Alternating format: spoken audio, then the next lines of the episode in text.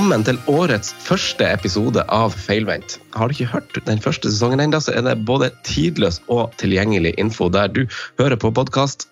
Også denne sesongen så tar jeg imot innspill om både gjest og tema på Instagram eller Twitter, for den saks skyld, i tillegg til at jeg setter pris på ei rangering i den podkastappen du bruker. I det jeg takker for det, så ønsker jeg velkommen til norgesmester, svensk seriemester, gresk seriemester, japansk mester og nederlandsk cupmester rett fra Hafjell. Tariq Elionussi, er du og feirer jul? Velkommen skal du være. Jo, takk. Takk for invitasjonen. Jeg er på, på Hafjell og, og, kjenner litt på snøen her oppe. Ja, Hvordan, eh, hvordan har du det? Veldig bra. Storkoser meg. Jeg har ferie, så det er uh, topp. Kommer du rett hjem til Norge når du har ferie? Ja, det blir jo det. Uh, ja. Men det er såpass langt unna, og, det er uh, blir lenge siden mellom hver gang man ser folk, så da mm reiser man direkte hjem for å se eh, venner og bekjente. Men du, for ei eh, merittliste. Altså, man må nesten minne seg litt på alt du har vært med på å vinne, både, både her eh, og der. Du må nå begynne å bli en stolt, stolt av fotballkarrieren din, eller?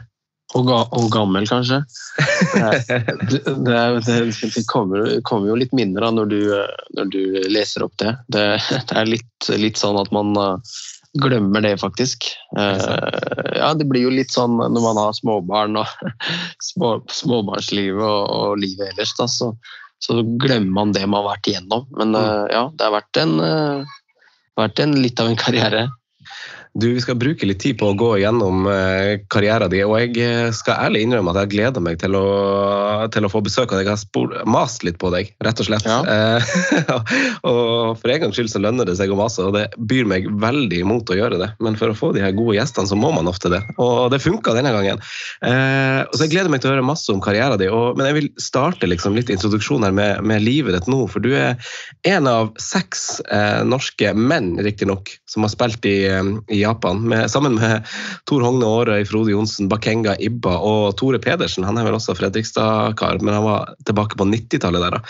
Uh, og deg. Og jeg lurer egentlig bare litt på hvordan livet i, i uh, det landet der er. Hvordan er livet i Japan? Eh, fantastisk. Vi har, eh, vi har egentlig stortrives fra dag én.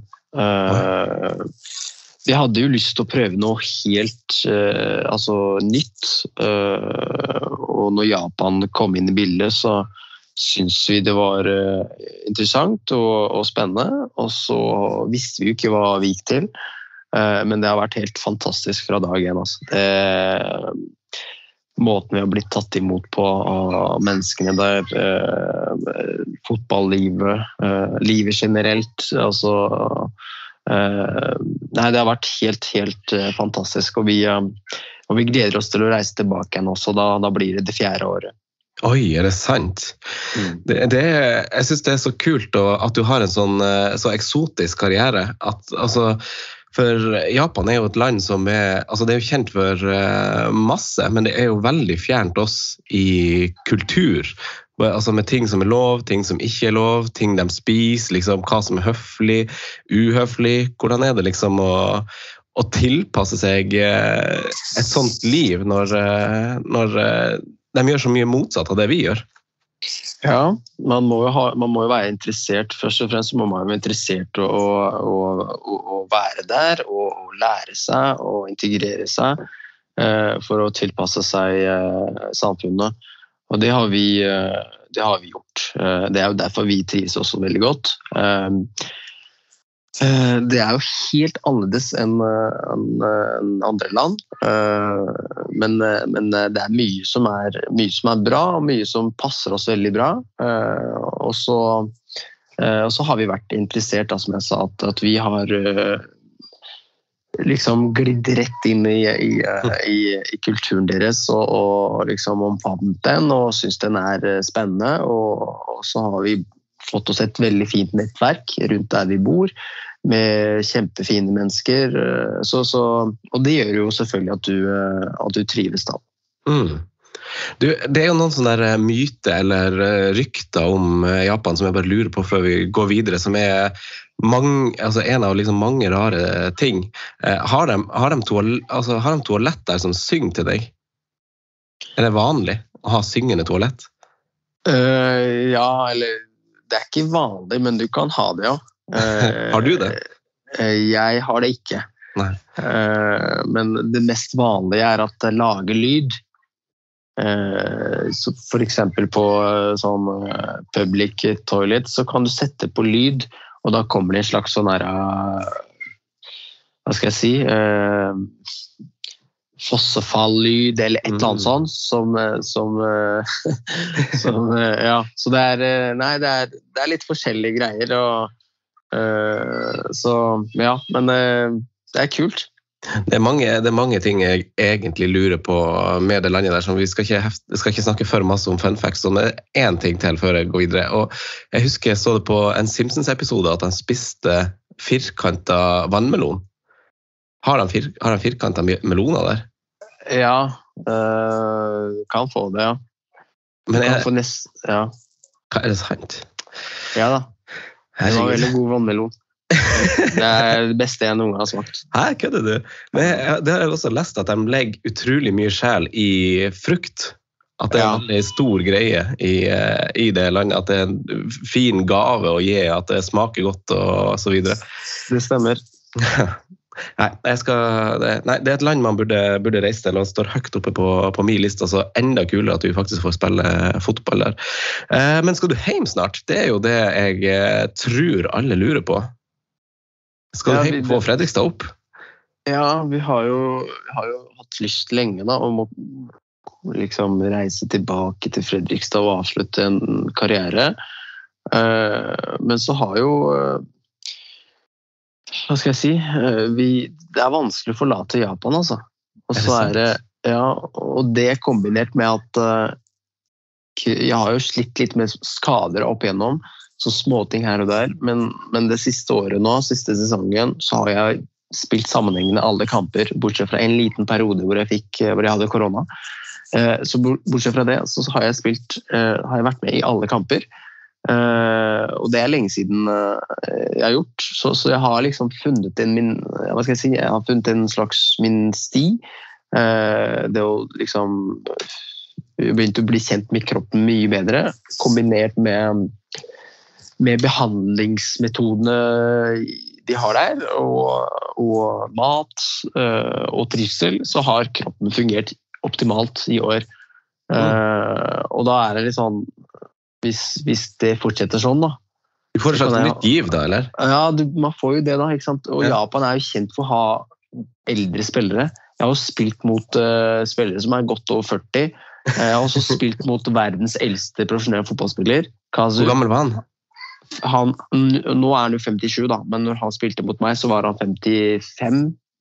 Kødder du? Og det er i øverste divisjon i, i Japan?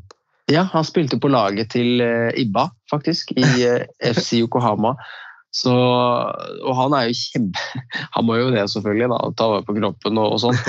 Men jeg, jeg, ser jo på de eh, Jeg ser jo på spillerne rundt meg, både motstanderspillerne og de jeg har på laget også, hvor flinke de, de er til å ta, ta, vare på kroppen sin.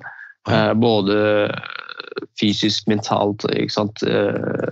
også næringsmessig. Så, så og, det setter de veldig pris på. Så hvis man gjør det, så får man fortsatt, fortsatt kontrakt. Så vi, vi, vi, er jo litt der da, at hvis det, hvis det fungerer og vi eh, trives og vi fortsatt har småbarn, da, mm. at de ikke er i skolealder, så har vi jo fortsatt muligheten til å være der. Og det jo en mul altså den muligheten kommer vi til aldri, aldri til å få igjen. Uh, for vi kommer før eller senere til å flytte og bo hjemme i Norge. da. Men det der er jo et utrolig godt poeng, og også litt sånn tilbake til eh, kulturforskjellen da, fra kanskje profesjonell fotball rundt om i verden, hvor når du begynner å bli gammel, så får du gjerne ikke nye kontrakter, mens her blir du nesten belønna bare for at du er frisk og, og tar vare på deg sjøl. Så det er jo et vesentlig poeng. Men så fotballen i, i Japan, er det, er det, stort? Er det populært blant folket? Er det voksende? Er det litt sånn bak holdt jeg på å si, Nintendo og, og gaming og sånn, eller? Nei, det har blitt mye bedre de siste åra. Mm. Uh, det er Hva skal jeg si? Sumo er jo kanskje jeg si, den nasjonalsporten. Mm. Men, men fotball og baseball Baseball også er veldig, veldig oh, ja. stort i, i Japan. Eh, sammen med fotball. Men fotball har kommet seg de siste åra. Eh, det har blitt mer og mer populært. Og jeg tror også det kommer til å bli enda mer populært. Eh, Ut ifra prestasjonene til det japanske landslaget de gjorde nå i uh, siste EM. Mm. Uh, så um, Nei, så det er uh, Og så er de veldig, veldig flinke. Da. De er jo veldig, veldig profesjonelle på, på alle plan. Mm. Det er liksom det er faktisk det mest profesjonelle stedet jeg har vært i. Mm. i USA med tanke på fotball og, og, logistikk og alt som har med fotball å gjøre. Mm. Og så Så nei, det og så er, så er, jeg veldig imponert over fotballen som spilles der. Er, de er jo ganske hardt, hardtarbeidende, disiplinerte, kombinert med bra, bra ferdigheter. Mm. Så, så, så, er de det er gode spillere, altså. Mm. Nei, det, det, det, tror jeg på. Det, det virker jo som eh, man, altså man, ble jo veldig imponert også over i det mesterskapet vi nettopp hadde. skjønte jeg, Så, så det er jo kult. Og så er, er det, jo artig det du sier med sumobryting og, og, og sunn, sunn, livsstil av atletene der. For du, for du sier jo også at eh, sånn som du antyder, da, så er jo, altså, er jo, de, har jo de har jo gått inn på topp ti på gjennomsnittlig levealder der, så noe riktig gjør de, i tillegg til å ha de, de sumobryterne. Men uh, i dag Tariq, så blir Topp fire-spalten, som er en vanlig spalte jeg har i dette programmet, om din karriere. Eh, mens vi i tillegg skal avslutte episoden med enten en quiz, som jeg pleier å gjøre, eller ukens profil. Og denne gangen har du bestemt deg eh, for en profil vi skal snakke litt om og vie litt ekstra tid til. og Det kommer vi tilbake til mot slutten av episoden. Vi skal til topp fire-spalten, men tar en kort, kort vignettpause først, Tarik.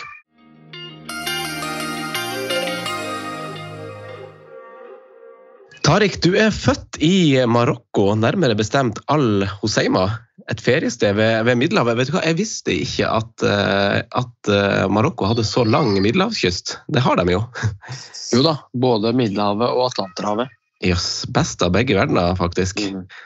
For den kalde Atlanterhavet og det varme. Rett over fjorden før Malaga så jeg at det er fødselsstedet ditt. Det må være en slags ferieby basert på Google-søket mitt. Det er en liten kystby, ja. Eh, mm. Det er ikke mange som, som eh, Nå har, nå har liksom, det kommet seg litt da siste åra, men uh, før har det alltid vært et sånt skjult perle. Oh, ja. uh, så ja, det er Du kan se rett over til Spania på, på en fin og klart vær. Jeg tror til og med du kan ta ferge dit, kan du ikke det? Jo da, det går, ja, fra det går helt, ja. ja da. Det er, ja. Hva som er beste måte å, å komme seg dit? Altså, det, du får jo sjekka av et nytt land, på, på, og, så, og, så, får du en liksom, type sydenferie òg i, i, et afrikansk land. Hvordan, eh, hvordan er det beste måte å komme seg dit på? Folk burde jo google det stedet, det er jo dødsfint. ja, det er jo, det er jo et lite sted, da. Ja. Eh, det er som jeg sa, det, ja, eller, ja, det er et skjult perle med masse fine eh, strender. Mm. Vi, uh, I det området jeg bor, altså det El Hoseima og nærområdene, er, er, kanskje det fineste strendene i hele Marokko. Oh, ja. uh, det er ikke mange som vet om, faktisk. Uh, så nei, for å komme seg dit, så, så flyr man da, selvfølgelig. Mm. man flyr da ja, Nå er det en stund siden jeg har vært der, men da fløy jeg til Malaga. Mm. og, så, og, så, tar jeg en liten sånn um, Eh, en liten flytur fra Malaga over, over vannet. Og eh, jeg vet ikke, 20 minutter, halvtime eller noe. Mm. Eh, til, til Melilla. Som, også, som, er et, som, er en by i Marokko, men som er spansk. Mm. Så det er fortsatt inn, inn, innenfor Spania. Og så mm. spaserer man over grensa. Fra altså Melilla over til, eh, til uh, inn, inn, til landet, inn til marokkanske fastlandet. Så det er jo ganske Du, du bare spaserer over, over grensa.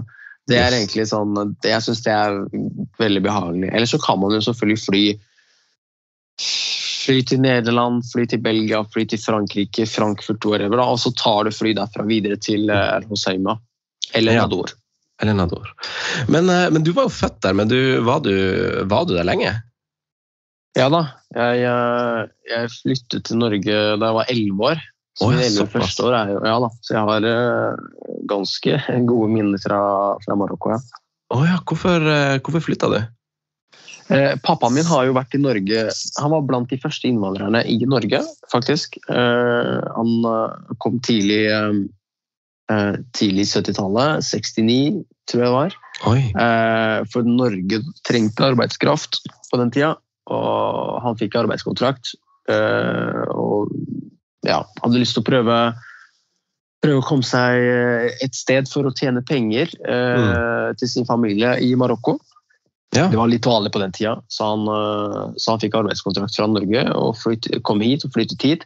Og meninga var at han skulle jobbe, tjene penger og reise hjem. Ja. Eh, dette var jo, som jeg sa, tidlig 70-tallet, og nå er vi i 2022. Mm. Og han bor i Fredrikstad. Ja.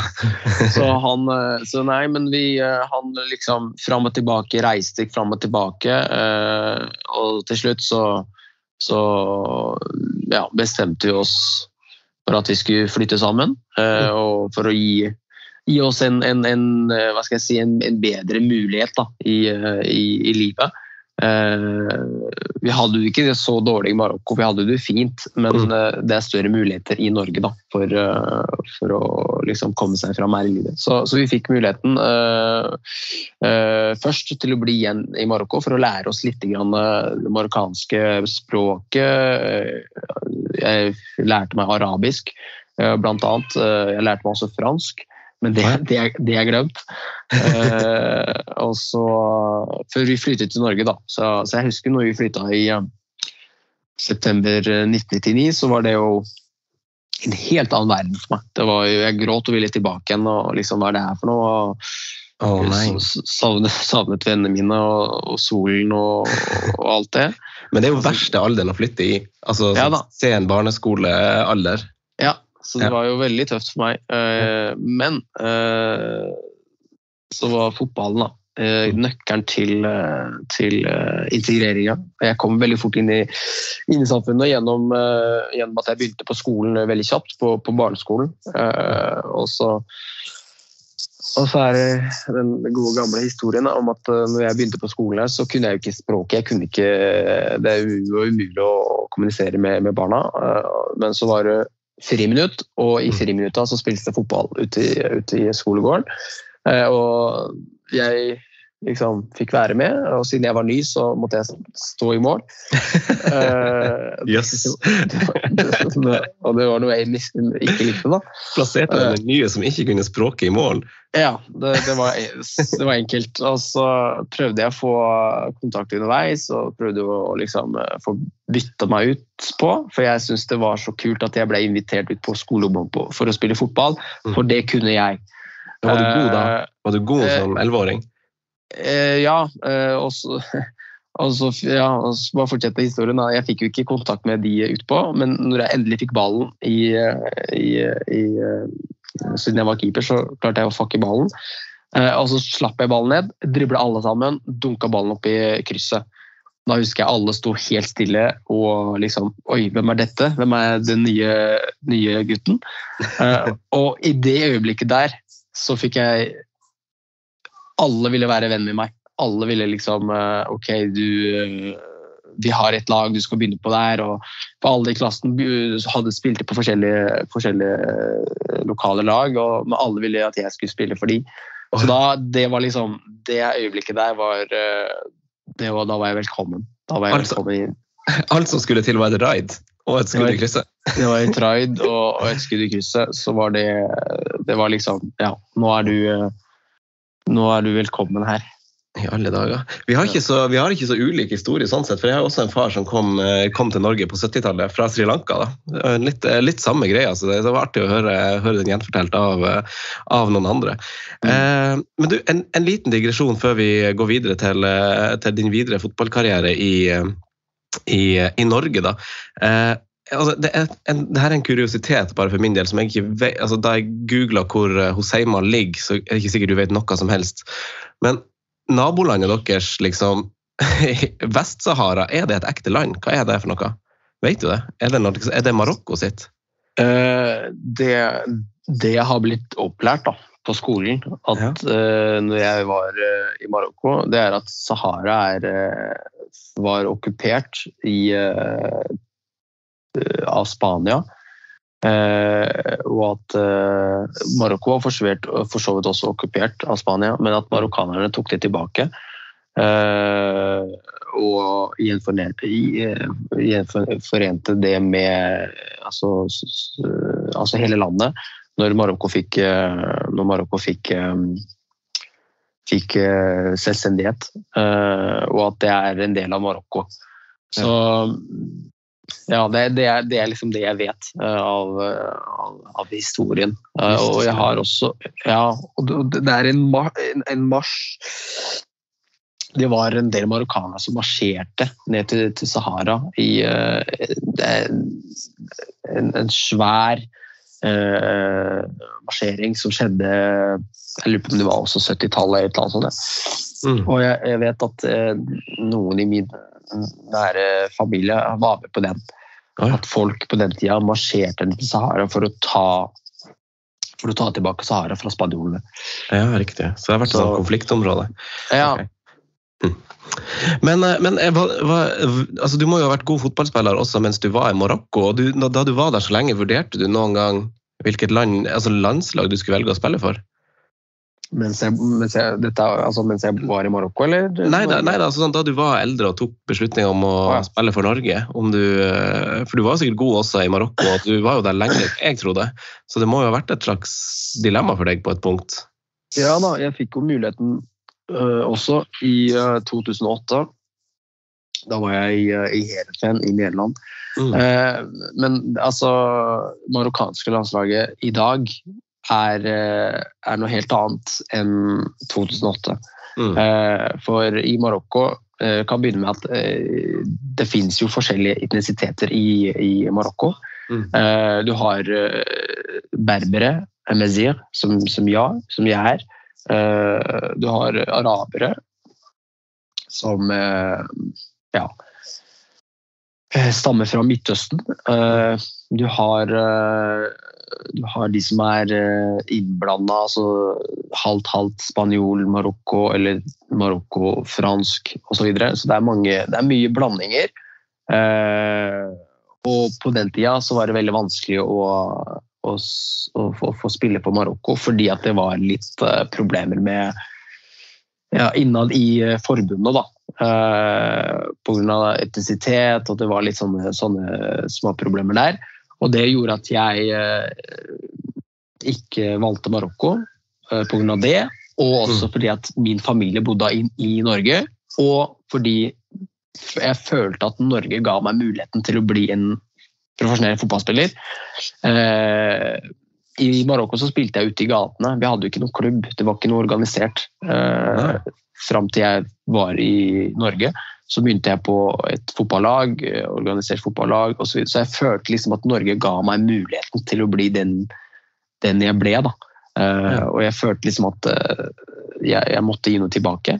Uh, så det kombinert med at familien bodde i Norge og og det som skjedde i Marokko på den tida, så, så følte jeg liksom at, at, at, valget var lett. Og da valgte jeg Norge, da. Mm. Skjønner, skjønner. Dere, dere østfoldinger har jo en egen måte å si, si ord og sånn på, så jeg er, litt, altså jeg er alltid litt sånn eh, redd for at jeg er på tynn is når jeg skal begynne å, å prøve meg. Men du var innom Nylende og Trosvik. Eh, jeg vet ikke om det uttales på en helt egen sånn Østfoldsmåte, de to, to, lagene der. Men så, så var det en gutt hver i klassen som fikk eh, mening, eh, liksom ønsket sitt oppfylt der, at du hadde, hadde, hadde, noen år i hver klubb før du gikk til Fredrikstad. Hvordan, hvordan var veien til Fredrikstad, da, og hvordan livet som fotballspiller der?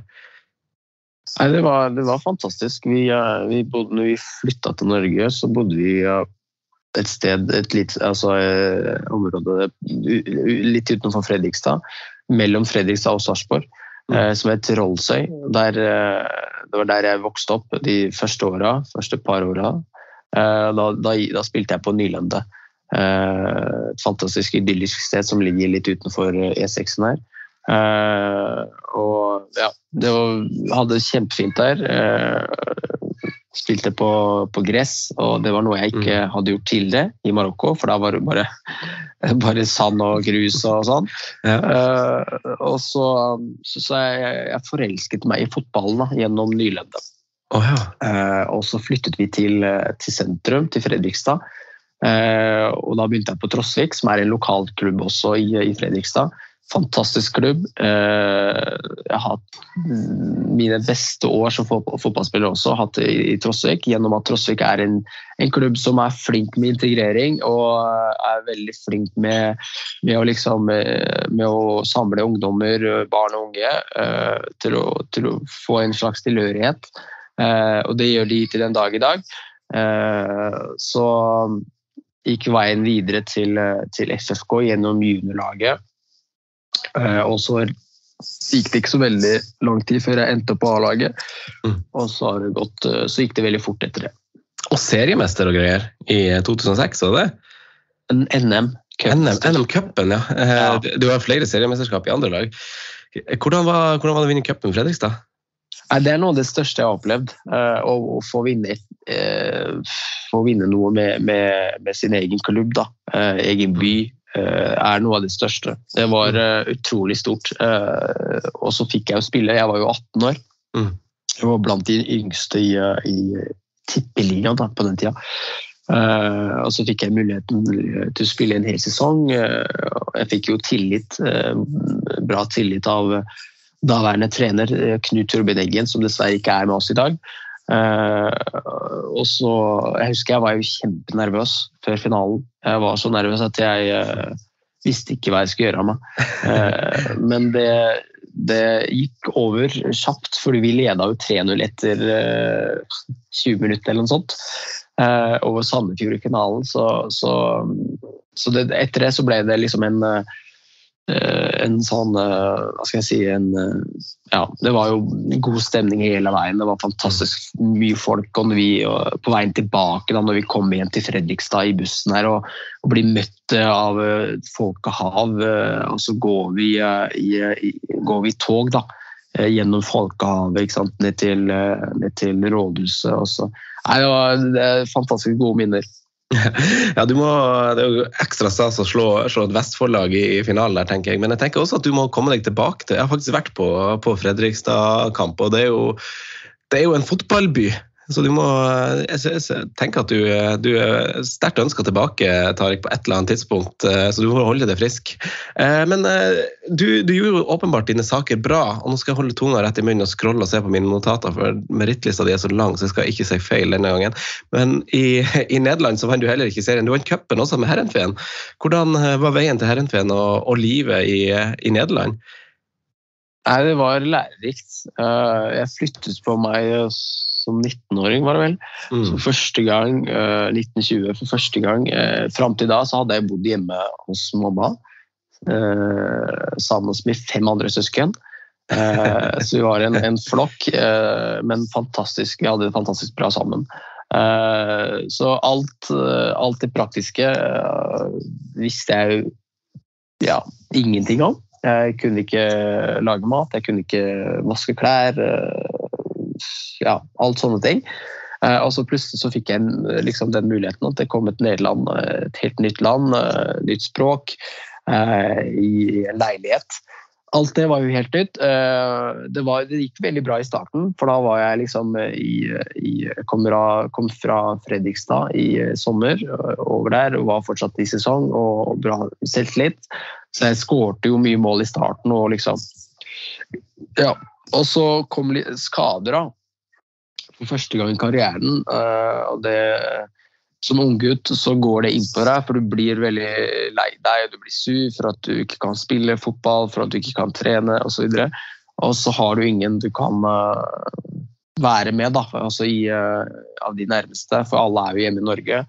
Jeg hadde jo riktignok Christian Grinheim, som jeg spilte sammen med i Heerenveen, som var en fantastisk fotballspiller og, og person.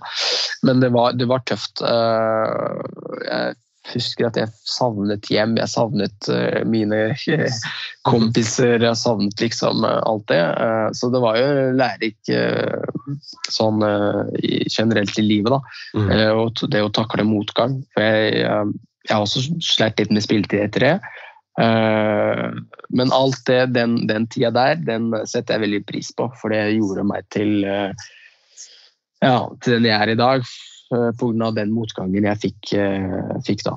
Tror du det er lurt for unge spillere å ta det steget tidlig, som, som gjør at du enten lykkes, eller så får du ofte den erfaringa som, som, du fikk, føler jeg. At du føler på liksom ensomhet og møter, møter, veggen litt, og det går for første gang kanskje litt mot deg i karrieren, og, og så lærer du av, av, det. Og du er jo åpenbart en person som har kommet deg litt ut av det da, og, sett, og dratt litt motivasjon av det. men akkurat det der tidlige steget før du egentlig er blitt tørr bakom ørene og ikke, som du sier da, altså, du har ikke lagd din egen mat og tatt klesvasken sjøl. Altså, sånn sett i, i, i ettertid, syns du det et, litt for tidlig å ta sånne steg for, uh, for spillere? Er det, altså, må de lære seg å være litt voksen først, eller er det en hard måte å lære på som er, som er riktig? Altså, eh, eh, Motgang i fotball den kommer før eller senere. Det, det, det, det tror jeg alle, alle, kommer til å oppleve det uansett. Så Jo tidligere, jo bedre er det jo. Mm. Så jeg sier jo det til unge spillere. Du har godt av å møte motgang. For det er, det, er en del av, av, av, det å være fotballspiller. Mm. Og du kommer til å sette pris på det seinere. For den motgangen, den, den, den, er, den er, gull verdt. Altså. Selv om det er tøft der og da, men, men du lærer voldsomt mye. Eh, for når ting er bra, når ting går bra og liksom alt sklir av seg sjøl, så tenker man ikke. Men den dagen du har motgang, du har skader, du får ikke spille osv., så, videre, så begynner man å tenke, man begynner å gruble over seg selv og man begynner å bli kjent med seg selv. Eh, på, en halv, på, en helt annen måte. Mm. Så, så, jeg sier jo det at unge spillere bør få gå gjennom en sånn, uh, sånn periode, for det kommer til å styrke dem uh, seinere i, uh, i, sin karriere. Mm. Godt tips. Det, det, det, gjorde det jo åpenbart for deg, men du hadde tre turer hjem til, til, Norge der, eller tre klubber på løpende bånd etter Herrenfeen. Lillestrøm, Fredrikstad og Rosenborg på, på tre-fire år der. Eh, Vellykka opphold alle tre, eller? Ja, Lillestrøm var jo Det var tre-fire måneder, tror jeg. Ja, uh, ja uh, men det gjorde det veldig godt, for når jeg kom tilbake igjen, så var jeg i kjempeslag. Jeg gikk rett inn i laget, og, sånn, og så kom skadene igjen. da. Fikk jeg benhinnebetennelse i begge legga, mm. og legene ante ikke hvor lenge det skulle ta. Så det var en uh, en tid. var veldig tøff mentalt. jeg var så sliten at nå, nå, liksom, nå gidder jeg ikke mer. Eh, på to år der så hadde jeg fire trenere, fire forskjellige trenere og hadde masse forskjellige typer skader. Eh, så det var Ja. Eh, det er OK, jeg trenger pust i bakken. Jeg tar en restart. Og da reiste jeg hjem til Fredrikstad, for der visste jeg at, at jeg kunne bygge meg opp igjen. Jeg kunne gått til mange andre klubber i Europa andre forskjellige steder, men jeg visste hva jeg, hva jeg trengte, og det var jeg, nå trenger jeg trygghet. Jeg trenger å komme tilbake til den jeg er, eller var. Mm. Eh, og det visste jeg skulle få i Fredrikstad. Og, ja, og det gikk jo kjempebra. Gikk, mm. Spilte bra i Fredrikstad, og så via Rosenborg til, til Hoffenheim. Ja, du, ja, du bøtta jo inn mål i den Fredrikstad-perioden og gjorde det også bra i, i, Rosenborg. og Ikke minst er det et ganske modent valg av deg å, å, å søke den tryggheten og ta den restarten, tenker jeg, i en periode hvor det, du sikkert, som du antyder, har eh, andre tilbud på, på bordet. Eh, men eh, Hoffenheim, da. Er det, altså, er, det et, er det bare et tettsted mellom Frankfurt og Stuttgart? Er det bare en lite sted? Hoffenheim er eh, Du kan kjøre gjennom Hoffenheim på fem sekunder. Hvem er det som jeg ser på de kampene der? Jeg ser, altså, det bor jo ikke folk i Hoffenheim. Nei, det, bor, det, er masse sånne er det Dorfer, er det det heter? Sånne små sånne, så Rundt i området, da. Ja, ja, okay. hvor, hvor, hvor liksom eh, folk kommer ifra. Og så har du eh, Den nærmeste store byen er jo Heidelberg. Okay. Heidelberg er mer kjent for, for filosofi og, og det medisinske i uh, en fantastisk fin, eh, fin by. Vi, vi, jeg bodde jo der. Og de har ikke noe fotball der? Altså, ingen... Nei. De, har, de, de, er ikke interessert i fotball i det hele tatt, eh, normalt. Så derfor får du gå liksom fritt i gatene. Eh, det er sånn typ ca. 20 minutter ifra, ifra Hoffenheim. Okay. Eh, så, men det er mer at de som bor rundt i områdene, som, som kommer til Hoffenheim. Og Hoffenheim er jo hva skal jeg si uh, Dittmar Hopp, som er, fra, som er fra det området, uh, han bestemte jo uh, det tidlig i 2007 eller noe sånt, om at det laget her skal opp til, mm. til Bundesliga. koste hva det vil koste. Og så skal vi få et lag å være stolt av. Så han spytta inn masse penger. og Euroklubben klubben fikk suksess, klarte å rykke opp, og så har de vært i, i, i Bundesliga siden. Men de har jo utvikles eh, i de åra også, så Hoffenheim har blitt en, eh, en veldig utviklende klubb. Veldig bra akademi, kanskje de, av, altså en av de beste i, i Bundesliga. og de alltid, konkurrerer alltid mot de beste lagene i, i Bundesliga. Så de har, de har, kommet langt på vei. Eh, mm. Men fortsatt så har ikke de den samme kulturen som de andre lagene. Det er derfor de mange andre Bundesliga-lag misliker Hoffenheim. Eh, fordi de mener at det er en, eh, en, en, en klubb uten historie. Mm. Ja, på, på, sett og vis så er det jo det. Det er jo, ganske, altså det er jo en ganske gammel klubb, men som, i, som du sier, da, så i toppklubbøyemed så er den jo veldig fersk. Eh, men heldigvis så håper vi kanskje at eh, Leipzig eh, fjerner litt den negative oppmerksomheten fra, fra ja. Hoffenheim i kommende tid. Men, men, du har jo altså jeg så på lista med spillere du har delt garderobe med der. altså Her har du Kevin Kurani, Firmino, Kevin Folland, Niklas Syle, som, som nå senere spilte, spilte mesterskap for, for Tyskland. Han var sikkert veldig ung da, men hvordan er tilværelsen og, og kulturen blant eh, altså Man har jo inntrykk av tyske maskiner og at det er et, det er et land og et, og et fotballand ikke minst, som har ting veldig på stell. Ja, det kan du si. Uh, de, de, var, de, de, er veldig flinke på rekruttering. så De velger ut, altså de henter spillere. Uh, når jeg skulle signere på Hoffenheim, så, så, hadde jeg jo et langt sånn intervjumøte med treneren og sportssjefen. Eh, de hadde lyst til å bli kjent med De visste jo om meg som fotballspiller, men de hadde lyst til å bli kjent med meg som, eh, som person. Så jeg, fikk, jeg husker jeg fikk jo mange rare spørsmål. Liksom for å få fram litt sånn annen type svar. For eksempel? De, nei, de De spurte meg om f.eks. konflikten mellom Palestina og Israel. Hva jeg tenkte om det. Oi, kødder du? de spurte om mora mi røyka. er det sant? ja, det var masse wow. spørsmål. Det var litt der derre bare Ja. Det ville få fram noe i meg, da. Så det var ja. uh, veldig rart. Men, men jeg forsto det i etterkant at da jeg kom inn i garderoben etterpå, så visste jeg at alle de som satt rundt meg, uh, kunne jeg stole på. Det var. Eh, det var, bra gutter som eh, ville, ville fri Palestina og Nei, ikke, ikke, nødvendigvis det, men at de eh, kunne jobbe hardt for hverandre. Og at, at vi, vi, vi, er et lag, liksom. At vi mm. kunne kjempe for hverandre. Vi, fikk, vi hadde en fantastisk fin moral i laget og, og, og, og stemning i garderoben. Så ja, så det var veldig kule gutter, og vi hadde en fantastisk fin tid der. Du, altså, du hadde jo en veldig Hoffenheim var jo veldig, altså veldig blir litt sånn i gåsehudene, men hadde en god periode de sesongene du var der, og så falt det noe etter det. Eh, men, eh, men eh, hvorfor, hvorfor, ble det sånn at du dro derfra? Eh, jeg var der et uh, Det første året var veldig bra. Mm. Beste året var andre året, når jeg kom litt inn i det og sånn.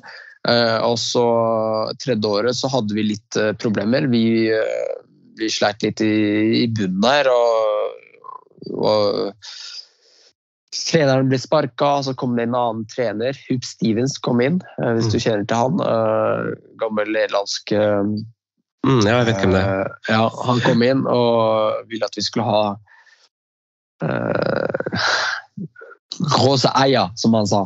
Ok, Hva betyr det? Store baller. Store baller. Eh, for at vi skulle, liksom, eh, vi skulle kjempe. Eh, så jeg husker vi drepte hverandre på trening. Vi hadde fire mot fire, to mot to, én mot én, og uten, liksom uten, å, uten dømming. Så han ville jo rett og slett at vi skulle liksom få opp aggressivitet og det killerinstinktet og alt det der. Ordentlig tradisjonelt og gammelt. Ja, det var ja, det var helt vilt. Altså, folk, folk eh, skadet nesten nærmest hverandre på trening. Så det var uh, voldsomt. Uh, og så kom han inn, og så etter ja, to-tre måneder eller noe, så fikk han hjerteproblemer, så han måtte gi seg. Og da kom og da kom, dette var på slutten av en sesong, så man var veldig sliten mentalt også. og så husker jeg også jeg sleit med noen skader. for Jeg, tre, jeg var overtrent, så jeg, jeg trente voldsomt mye. Når du har en kropp på, på 1,73 og som veier 60, 60, 67 kilo, mm. så, så, skal du ikke ta jeg, over 100 i, i knebøy. Eh, normalt sett så skal du liksom passe på sånne ting, da. men jeg, jeg kjørte alt. Altså jeg, jeg, jeg, trente såpass mye at jeg fikk sånn uh, ja, Eh, kroppen gikk i, eh, i dvale etterpå, rett og slett. Det var uh, voldsomt. Så, så, så kom uh, Nagelsmann kom inn på slutten der. Oi, han var ikke gammel? da? Han var ikke gammel, et år, et år eldre enn meg. Han uh, kom inn. Fantastisk karisma, fantastisk selvtillit. Jeg husker det var det første jeg la merke til. Denne selvtilliten han hadde liksom, vi kom på treningsfeltet og liksom uh, Fotball er gøy, vi skal bare liksom tulle oss gjennom dette her. Og jeg, vi lå nest, jeg tror vi lå nederst eller noe sånt, ja, så var det ikke mange kamper igjen. Uh, og så Vi hadde ikke vunnet på flere kamper, og så kommer han inn og så liksom jeg vet ikke, det var et eller annet som skjedde der. Merkelige greier. ass. Og så vant vi neste kamp. Bremen borte. Bare plutselig vant vi den kampen. Det skulle være nærmest vært umulig eh, tidligere. Eh, og så bare vant vi liksom det som var. Eh, og så, og så, og så klarte vi oss i, eh, i, å holde oss i ligaen. Mm. Så, men jeg, jeg, var, jeg, var, som sagt sliten mentalt, jeg var sliten fysisk. og tenkte ok, jeg hadde lyst på en ny utfordring. Og så kom Olympiakos på banen, som da var en, en stor klubb. som jeg visste også kjempet for å spille, spille, Champions League, som igjen da er, eh, var en av mine drømmer. Mm. Så da tok jeg den sjansen. Ja, sant. Før vi snakker litt om eh, Olympiakos-tida di og, og, det spennende du bega deg ut på, da, så lurer jeg på altså For du delte jo garderobe som sagt med Firmino. Eh, var han veldig sånn forfengelig med de her hvite tennene sine og sånn? Han, eh, han, eh, Firmino er en fantastisk fin fyr. Han er kjempeydmyk, han er religiøs. Han er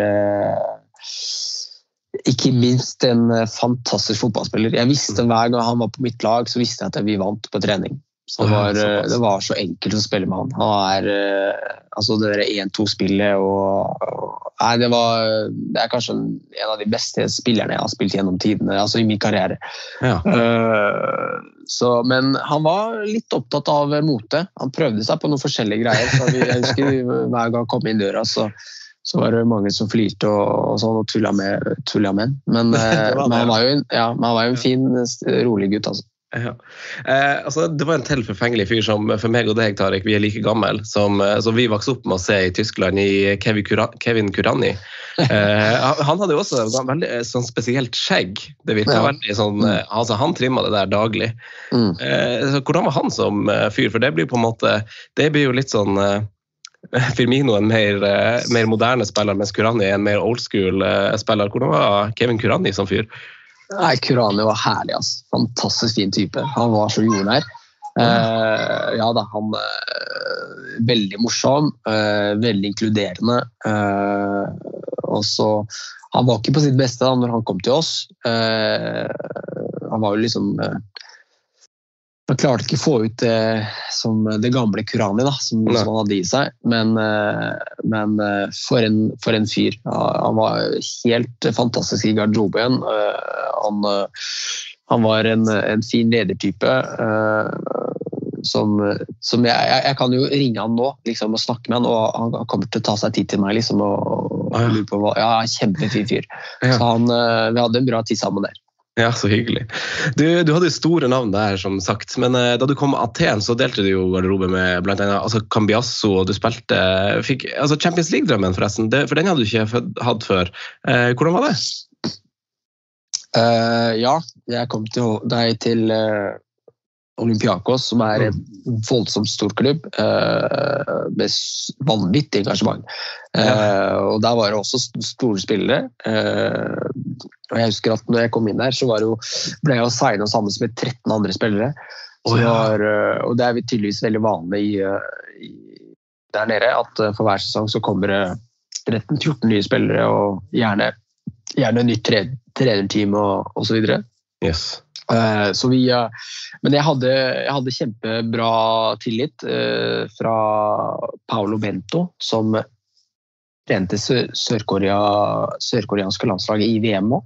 Mm. han hadde en som trener i Olympiakos og hadde kjempebra tillit til, meg, og jeg spilte alt som var. og vi vant ligaen, men han kom i disputt med klubben, så han fikk jo gå etter sesongen. Uh, og når vi skulle spille kvalik til Champions League, da, du, da kom det en ny trener som uh, ja, bokstavelig talt sa 'jeg kjenner ikke deg, jeg vet ikke hvem du er', uh, og henta sine spillere. Nei, det var rett og slett sånn det var. Han, sorry, jeg altså, husker da jeg satt og hadde et møte med han, og så sier jeg til han du kan jo gjerne se på, på sesongen som var, på de kampene, så ser du hvem jeg er.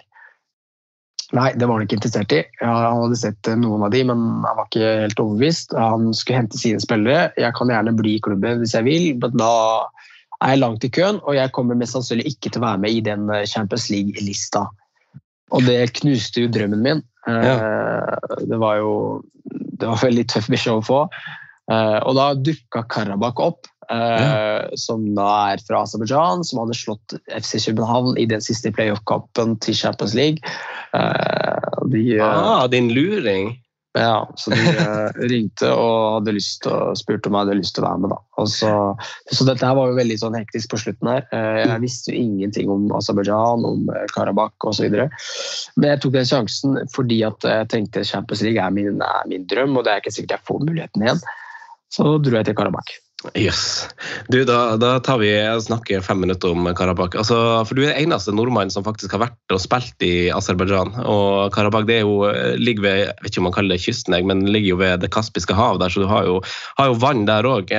Da kan jo stryke spørsmålet om hvordan du havna der, for nå vet jeg, vet jeg jo det. Men hvordan er det, altså du visste jo ingenting eh, om, om verken landet eller klubben. Du visste bare at du ønska å spille Champions League, så du flytta dit med ett mål for øyet og fikk jo det oppfylt. Men hvordan var det egentlig? Egentlig å, å, bo der, være der, spille fotball i Aserbajdsjan?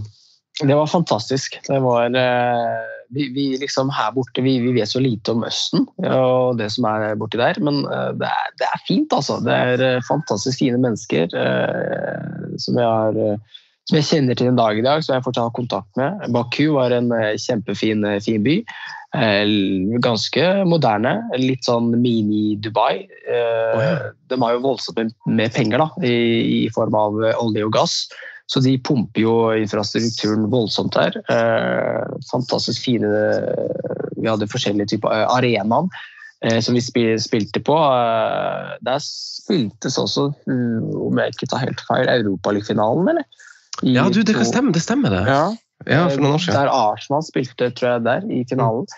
Uh, så Nei, det er, det, det er utenfor var fantastisk bra. Uh, mm. Klubben også er en uh, veldig sånn veldig fin klubb, fine folk, med en trener som er en legende. Da, da. Han har jo vært mm. der i, i veldig veldig mange år. Mm. så han styrer troppene sine han gjør som han vil, da. og han får, eh, han får, gjøre som han vil også. Men det som var litt kjedelig, var at jeg kom til Karabakh med en skade. Eh, I siste trening med Olympiakos så fikk jeg en, eh, en ankelskade. Så det gjorde at jeg mista noen av de Champions League-kampene. Men jeg fikk oppfylt drømmen. Jeg fikk spille Champions League. Og jeg hadde et veldig fint opphold i Karabakh. Mm. Vi vant serien. og ja, det var ikke så mange, jeg tror det var seks-sju måneder jeg var der. Uh, jeg kunne gjerne blitt der lenger også, men det var uh, ja, andre ting som, som var uh, litt problematisk. Og da valgte jeg å Ok, ja, nå har jeg lyst litt Altså sånn, bo, bosituasjonen, altså utenomsportslige ting som var problematisk? Nei, det var, det var litt mer for mye Rett og slett for mye cash. Oh, ja. Det var, det var ja, man kan ikke spare opp det, Nei, det var litt for vanskelig med, med dem, Vi spilte Champions League, og så, så fikk vi for mye greier. Så da var det Det passa liksom ikke inn der. Nei. Så da, det var egentlig bare det som gjorde at jeg hadde lyst til å komme tilbake til det normale. Da. Ja. da kom den der muligheten fra, fra Stockholm, eh, mm. fra AIK, som var veldig, veldig, veldig, veldig på. Uh, en stor klubb i Sverige, kjempestor klubb. Om ikke den største i Sverige, så, så med, med, de, med, en voldsom fanbase. hadde lyst til å vinne ligaen. de har ikke gjort det på ti år. Nå var det på tide. Eh, så det var en klar idé, og vi har lyst til å gjøre dette her. Du, vi, du må være med på dette her. Og det frista meg veldig. Og mm. liksom tenkte en såpass stor klubb i Stockholm, hvorfor har ikke de vunnet serien på en stund? Det har jeg lyst til å være med på nå, liksom, og, og få, få gjort det. Så det var, eh, og det gjorde vi jo. Ja, ja, åpenbart så gjorde du det. Du har, du har, en tendens til å vinne der du, der du drar. I hvert fall et eller annet.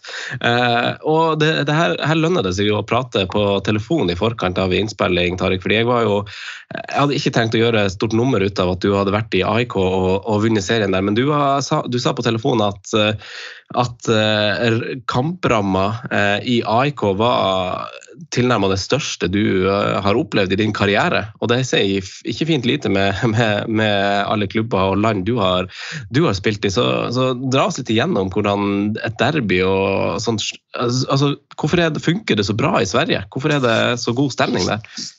Ja, det er mange aspekter rundt det, hvorfor det fungerer. Jeg har jo sagt det tidligere. Det første er at journalistene i Stockholm eller generelt i Sverige, de snakker opp klubbene. De, de er veldig flinke til å, til å gjøre hause opp uh, klubbene. De uh, hauser opp derbyene, forskjellige kamper osv. Noe man ikke, jeg føler da, ikke Norge er så veldig flinke på.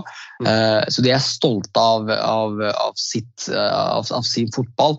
det er ikke noe bedre enn en Eliteserien, men, men, men men, men, de er flinke til å liksom lage, noe, lage, noe, stort ut av det. Eh, sånn at det blir liksom eh, populært, og, og, folk har lyst til å dra på kamp.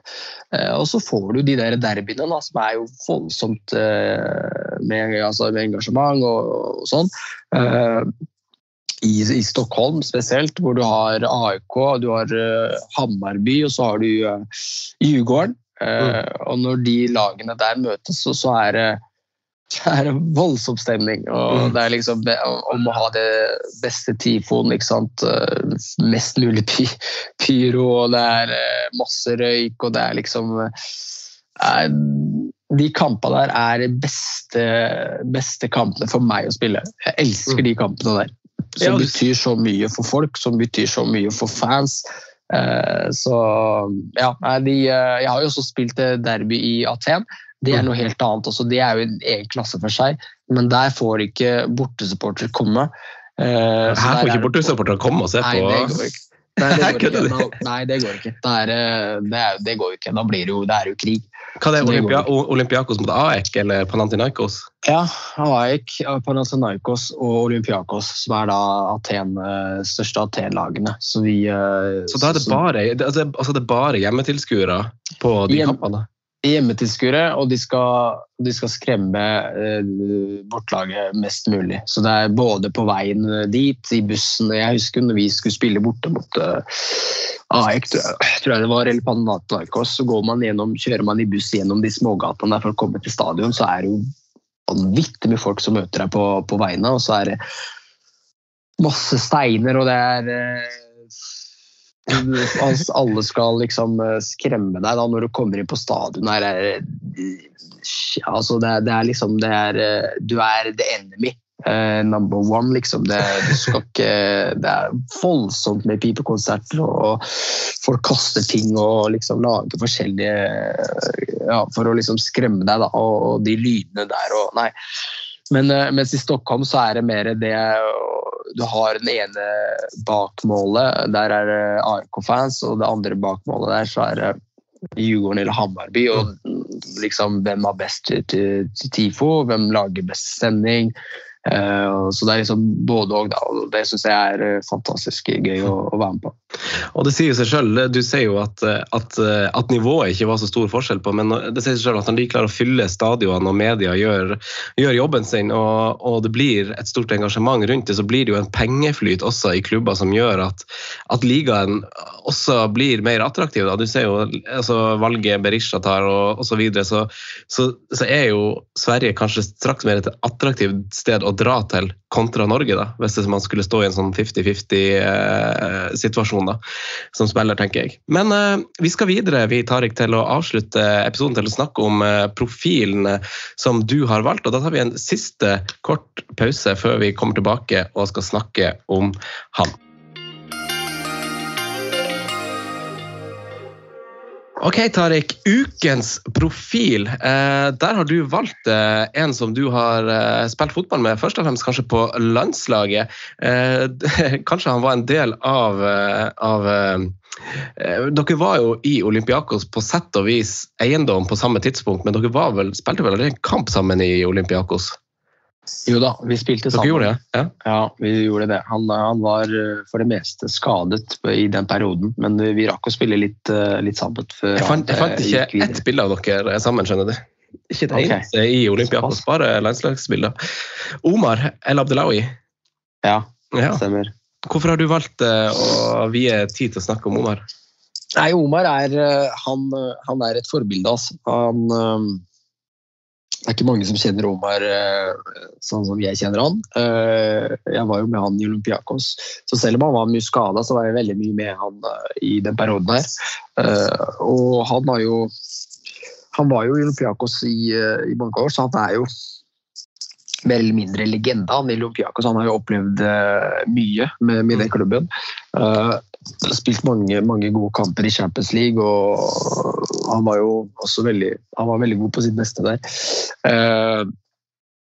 Før han gikk videre til Premier League da, uh, fra oss. Han gikk jo direkte til Hull.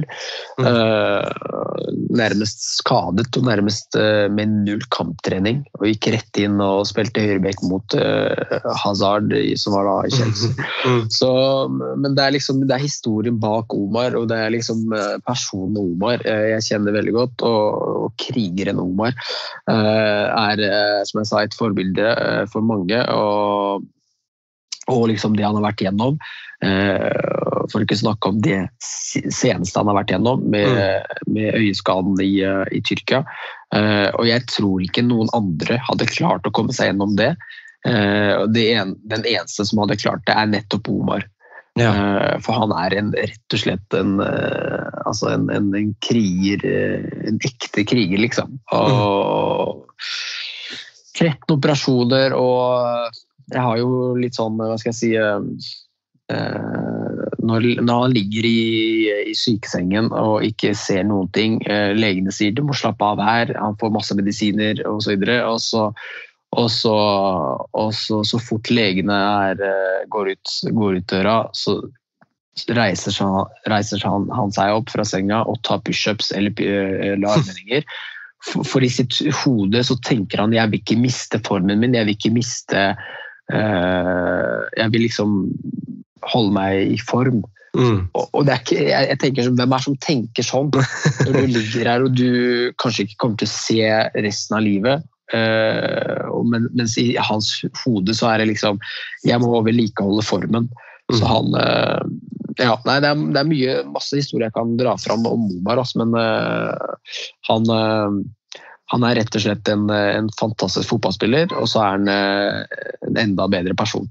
Yes. Ja, Vi håper han lykkes i, i Glimt etter den overgangen han ganske nylig har tatt nå når, eh, når vi snakker, eh, Tariq. Hva, hva, du og Omar eh, drev og holdt på med da dere bodde i Aten sammen? da? For jeg antar at eh, det var dere som var en slags duo der? Ja da, vi, Aten er jo en fantastisk fin by, da, så vi kosa mm. oss. Eh, vi bodde, i, eh, vi bodde i Glifada, som er eh, litt på utkanten av Aten. Mm. Langs, langs, kysten mellom Pereus og, og, og Aten sentrum. veldig fint sted. fantastisk fint sted. er jo gresk mat er jo noe av det beste. Det er jo Mediterransk mat er jo kjempe, kjempebra. Mm. Og, så vi kosa oss der. og ja, vi gjorde diverse ting og sånn. Så det var bra, bra, bra tid der. Du, Det er veldig fint. Jeg liker at du vier tid til en mann basert på personlige karakteristikker. og og ikke minst eh, sånn som du kjenner Omar. Eh, kanskje skal få han på besøk hit en gang, nå som han har flytta til, eh, til Bodø. Kanskje det er en mulighet å, å, få tak i han også. Eh, Tariq, jeg setter utrolig stor pris på at du 20.12. har tatt deg tid til å snakke med meg i en time om din karriere, som var enda, enda, bedre å høre på enn det jeg så for meg bare jeg leste merittlista di. Eh, du er både flink å fortelle og en, en, hyggelig fyr. Jeg ønsker deg god jul og lykke til med, med en lang karriere i Japan. Jo, tusen hjertelig takk. Det var, uh, takk for invitasjonen. Det var uh, hyggelig å snakke med deg, men nå skrikes det bak her. Nå må vi ut på, ut på ski. Gjør det. Så får du ha en riktig god jul. takk for det. Ha det. Ha det godt.